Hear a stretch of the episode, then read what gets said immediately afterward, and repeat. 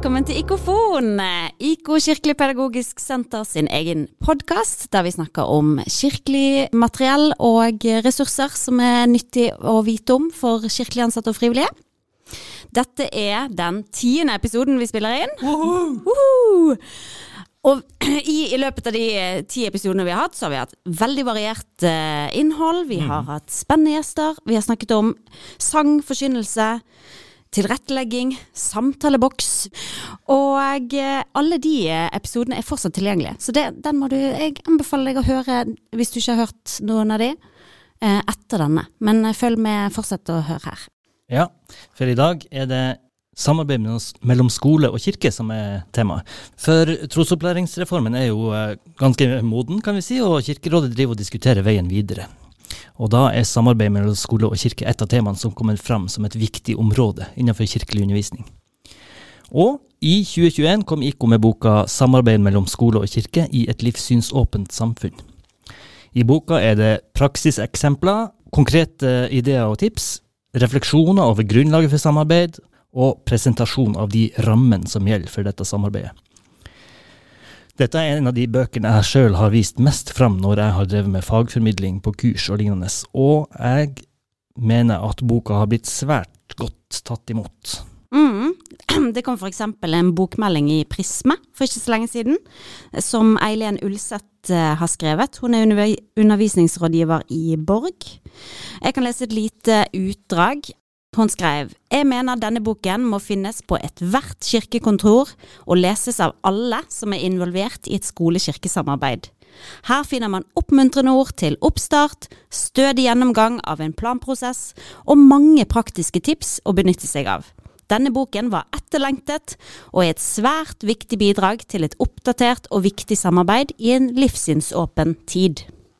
På ethvert kirkekontor, ja. Jeg er, ja. På, jeg er, ikke på noen måte uenig i noe av dette, og derfor har jeg gledet meg veldig til at dere skal presentere boka i Ikofon, Marianne og Gunnfrid. For selvfølgelig har vi forfatterne, eller redaktørene, med i studio. Ja, velkommen til Ikofon-studiet. Marianne Gullhaugen, rådgiver her på IKO. Hei, hei. Og Gunnfrid Jones Øyrud, førsteamanuensis i religion og religionsdidaktikk på Universitetet i Sørøst-Norge. Hei, hei. Og du er ikke ukjent for oss i det hele tatt. Vi har jobbet sammen her på IKO eh, inntil i fjor, cirka. Mm. Mm, velkommen. Takk. Veldig hyggelig å være tilbake her også. En liten tur. Mm. Eh, I boka um, ja. der er det mange konkrete eksempler på opplegg for samarbeidstiltak mellom skole og kirke. Så Marianne, har du et eksempel fra boka som du synes er ekstra inspirerende? Nei. Nei, jeg syns, jeg syns, at eh, det er mange gode eksempler. Eh, det er liksom en god blanding av litt sånn tradisjonelle opplegg, sånn som påskevandring og f.eks. opplegg om sorg og død. Eh, og så er det også noen eksempler på litt nyere ting, som f.eks. unge møter eldre, som, som oppsto i møte med et nytt valgfag, f.eks. Og så er det jo dialogdag i skolen, eh, som Dialogforum i Østfold har, eh, har utvikla, som er et samarbeidsopplegg mellom ulike aktører i lokalsamfunnet. Så det er, det er mye for enhver eh, ja. smak. Mm. Og kan jeg få føye til en ting? Mm. Marianne vil jo ikke trekke fram det hun sjøl har vært med på å lage, men hun har f.eks. skrevet om Minecraft-bruk i skole-kirkesamarbeid. Ja, som òg absolutt må kunne gjøre som fornyelse, tror jeg. Så det var et bra svar på om du hadde noen konkrete eksempler. Nei, ett konkret eksempel. Det var nei, fordi du har mange. Ja. Det er bra. Eh, hva er ditt favorittfag å jobbe med i samarbeidet med skole og kirke, hvis du ser bort fra KRLE? Ja, altså jeg kan jo ikke si at jeg har noe favorittfag heller, kanskje. Eh, jeg syns at det er morsomt å være kreativ eh, og tenke litt på hva man kan få til da, med utgangspunkt i de rammene som man eh, har. Og da kan det være morsomt med flere fag. F.eks.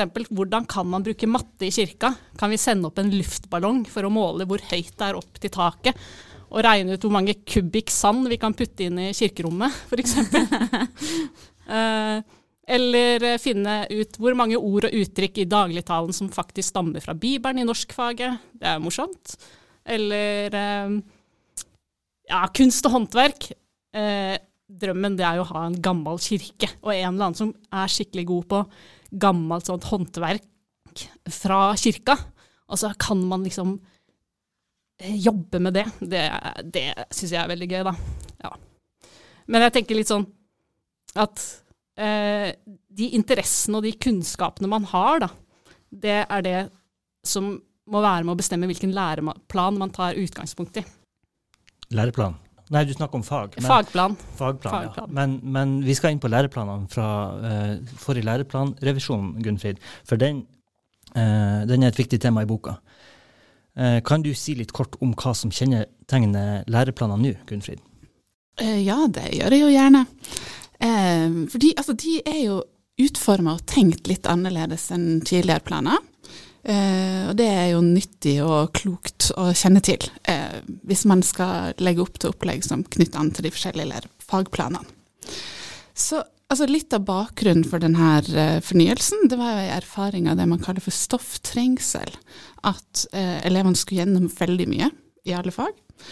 Og ønske om at elevene skulle mer sånn få forståelse og redskaper for læring som gikk an å overføre til nye områder i et samfunn som endrer seg stadig. Så tanken var at man må liksom rydde bort eh, litt for å gi rom for det her. Ikke tenk at man skal vite litt om alt, men legge til rette for dybdelæring. Eh, og dybdelæring er jo et viktig ord i de her planene. Og det er på en måte ikke noe nytt i det hele tatt. Gode lærere har alltid lagt til rette for det, eh, men nå prøvde man å lage læreplaner som gir bedre ramme for det. Og da er det to grep som jeg har lyst til å trekke fram. Det ene er at nå har vi noe som heter kjerneelementer i alle fagene.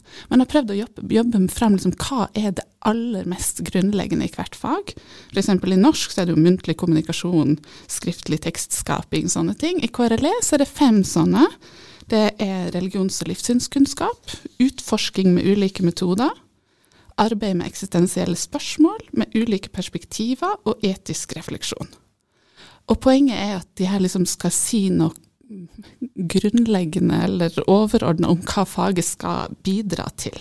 Kan være hjelp til prioritering, selv om det er jo egentlig Jeg tenker at det fortsatt er store målsettinger for et KRLE-fag med nokså få timer.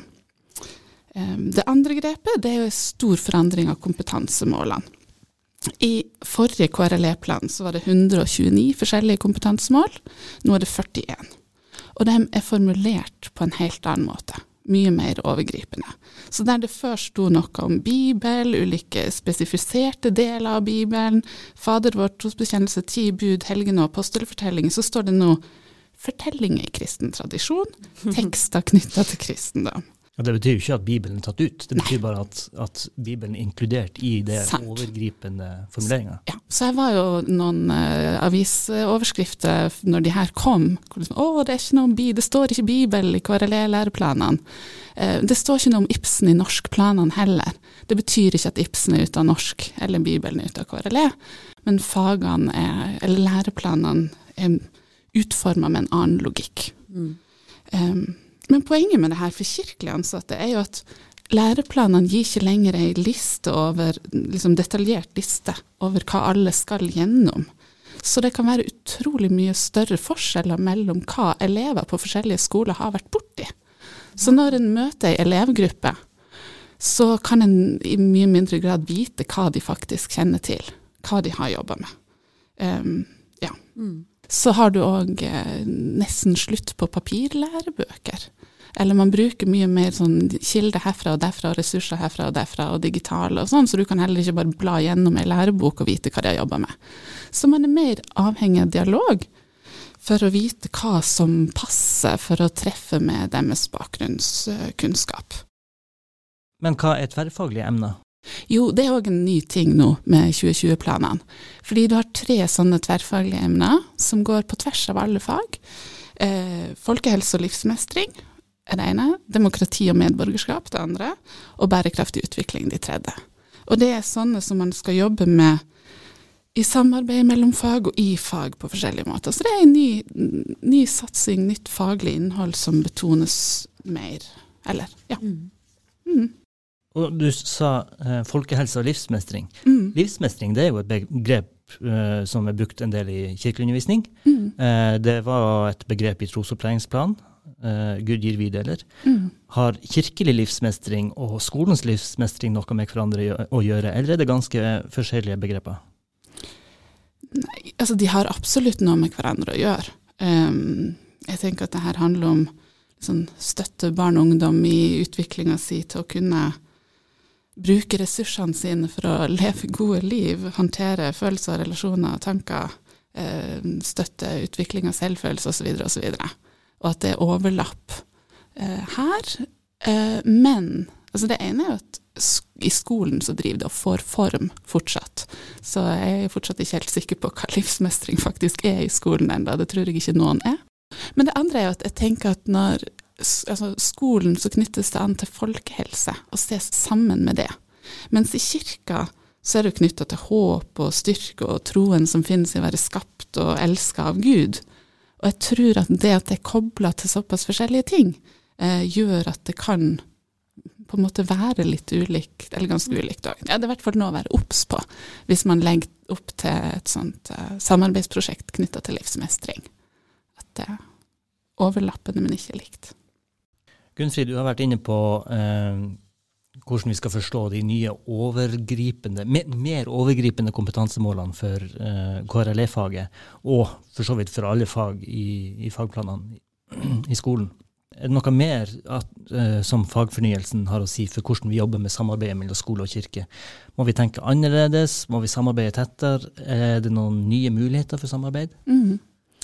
Um, altså det ene er jo at den, det som heter generell del av læreplanen, som nå er bytta ut med overordna del, eh, der har det skjedd en stor forandring. For den gamle generelle delen snakka veldig mye om kristen kulturarv og betydninga som kristendom har hatt i samfunnet og sånn, eller har. Eh, den nye, der er det lite om dette, eh, mye mer vekt på mangfold. Um, så det er mer sånn at altså, læreplanene si vekt på kristen kulturarv er liksom ikke noe tungt argument for samarbeid akkurat med de nye planene. Eh, og jeg tenker at det her er noe å være obs på for kirka i kommunikasjon. Vise at man forstår konteksten som det her skjer innenfor. At kirka er mer ett trossamfunn blant flere. Eh, ja, hvis vi leser ut fra de forandringene i overordna del. Um, men det er jo ikke noe som tilsier at man ikke skal kunne bidra inn i skolen. Det er bare en, en forandring å være obs på der. Um, men jeg tenker at det er ei utvikling i KRLE-faget som nesten peker mot mer behov for samarbeid. Og det er at det, ene, det første kjerneelementet, der er det snakk om at elevene skal møte religion lokalt, ikke bare ja, også i lokalsamfunnet, og at de skal bli kjent med det som heter individ- og gruppenivå. Altså mennesker, troende mennesker, mm. og eh, gruppe, ikke bare på en måte kristendom som en religion i stort, men ulike grupper innenfor. I tillegg så skal de møte innenfra-perspektiver. Eh, og utenfra. Altså utenfra er sånn religionsvitenskapelig perspektiv, men de skal òg møte innenfra-perspektiv, altså det som troende sjøl har. Eh, og jeg tenker at de to eh, styringen for faginnhold, de tyder egentlig på at man trenger å ha kontakt med tros- og livssynssamfunn lokalt. Ja, for man møter ikke det, de individuelle perspektivene, og ikke minst lokal religion, på uh, digitale kilder med Jo, man kan det, men, men de er ikke på Wikipedia. Nei, sant. Eh, så, men altså, det, det, er mulig med mye digitale ekskursjoner og møtepunkter og, og sånn, men jeg tenker òg at her er i hvert fall noe som tyder på at det å ha kontakt med lokale tros- og livssynssamfunn eh, er på sin plass i KRLE-fag ut fra de nye læreplanene. Mm. Mm. Og så er det jo alltid, som når, når, det kommer nye læreplaner, at man fra kirkelig side må lese gjennom og vurdere planene sine opp mot det her passe på å tilby noe som faktisk er interessant for skolene, som passer med det de skal drive med. Ja, og eh, så, så oppdatere planene sine. Men da må vi jo ha en plan for skole-kirke-samarbeid, og det har dere jo skrevet et veldig godt kapittel om. Eh, Marianne, eh, hvorfor er det så viktig med en plan for samarbeid mellom skole og kirke? Nei, det er jo med å skape forutsigbarhet, da. Um, både ansatte i skolen og i kirka uh, vet hva som skal skje, og når. Eh, Og det øker jo sjansen for at man faktisk gjennomfører disse tiltakene. Og så er det jo mindre personavhengig når det ligger i en plan. Når vet alle at dette skal skje, og hva som skal skje. Hva inneholder en god plan? Um, jeg tenker at en god plan må inneholde minimum tema for tiltaket, hvilket klassetrinn det er for, og tidspunkt på året det tenkes å gjennomføres. Og hvis man da legger til f.eks.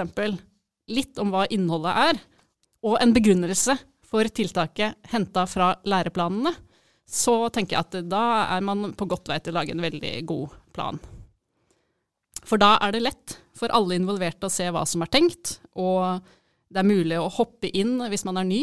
Og det er lett å forklare til foreldre f.eks. For om hva man har tenkt å gjøre. Eh, for jeg tenker at det er veldig viktig at foreldre er godt informert om hva, for, hva elevene er invitert til. Eh, og en plan trenger ikke å være en liste over alle tiltak man har tenkt å gjennomføre. Det kan også være en tilbudskatalog, som de har gjort f.eks. i Tananger. Der har Kateketen laget en liste over ulike tiltak som kirka kan tilby, og så kan skolen velge hva som passer best inn med deres planer. Og den kan du, den kan du lese i boka? Ja, yes. det kan man. Eh, jo, jeg skyter inn her. Jeg holder på med et lite forskningsprosjekt om skole-kirke-samarbeid sammen med en kollega. Um, og det har vært fra kirkelig hold litt sånn framsnakk av de her planene som er veldig fast etablert, og gjerne på kommunalt nivå og sånn, fordi da blir ting gjennomført. Eh, men et foreløpig funn hos oss er jo at noen av de KRLE-lærerne som da følger klassen sin på sånn, at de um, Fordi de ikke sjøl har liksom aktivt valgt uh, å ha en ekskursjon til kirka, så kan de her oppleggene bli litt mindre um, inkludert i undervisninga. At man jobber mindre med det før eller etter. Altså Man kan ha en periode hvor man jobber med islam, og så plutselig skal man på et kirkebesøk. Inni det, og så blir det litt sånn enkeltevent som man ikke jobber faglig med. Um, og en del annen forskning på ekskursjoner sier jo at for- og etterarbeid er kjempeviktig for det faglige utbyttet. Så, men dette er foreløpige forskningsfunn.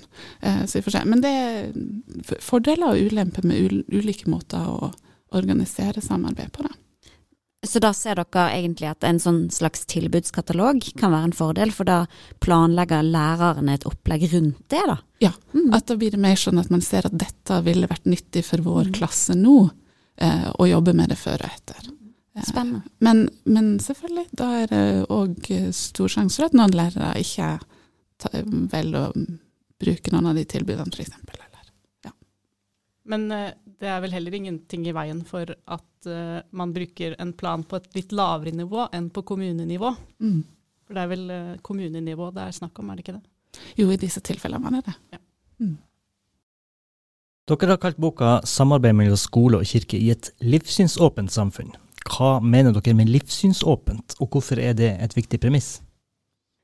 Nei, begrepet livssynsåpent ble jo lansert av Stålsett-utvalget for noen år tilbake. Og Det handler jo om at det må være plass til tro og livssyn i det offentlige rom, og at det ikke bare kan skyves ut i den private sfæren.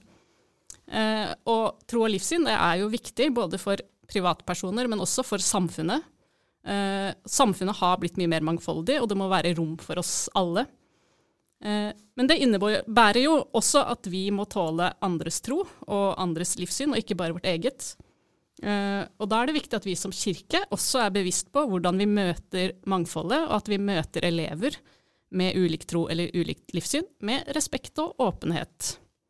Og det er jo bra også for oss, for det er jo med på å sikre trosfrihet. Det gir rom for at vi kan være forskjellige, og det gjør at religion faktisk kan ha en plass da på samfunnets fellesarenaer. Eh, Gunnfri, hvis noen som jobber i kirka sier hos oss er kirka en sånn naturlig del av lokalmiljøet at det blir helt kunstig å forholde seg til alle disse rammene og retningslinjene for samarbeidet. Hva svarer du da? Hmm. Da, da, vil jeg nok si at uh, du tar feil. uh, ja, det, ja, det, vil jeg faktisk si. Ja, uh, altså når det er undervisningsopplegg knytta til KRLE-faget, og det er det jo mye av sånn skole-kirke-samarbeid som er.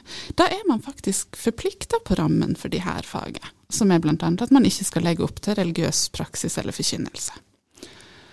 Og jeg tenker at hvis man ikke forholder seg til de her rammene, så er det ugreit på flere måter. Um, altså man, da tenker jeg at man respekterer ikke den her uh, kontrakten kan man si, foreldre har med skolen. Altså tilliten foreldre har til at opplæringa respekterer foreldrerett og forholder seg til opplæringsloven og alt det her. Uh, det tenker, jeg tenker at det er etisk betenkelig, og ikke ja, også, ja. I tillegg er det jo strategisk uklokt, for jeg tror det både øker sjansen for at et samarbeid vil avsluttes fram i tid, og det vil gjøre at noen elever vil trenge fritak, og at man dermed ikke får et tilbud som alle elever kan være med på. Men eh, ja, jeg er ganske klar her, merker jeg. Eh, de rammene skal kirka respektere, forholde seg til.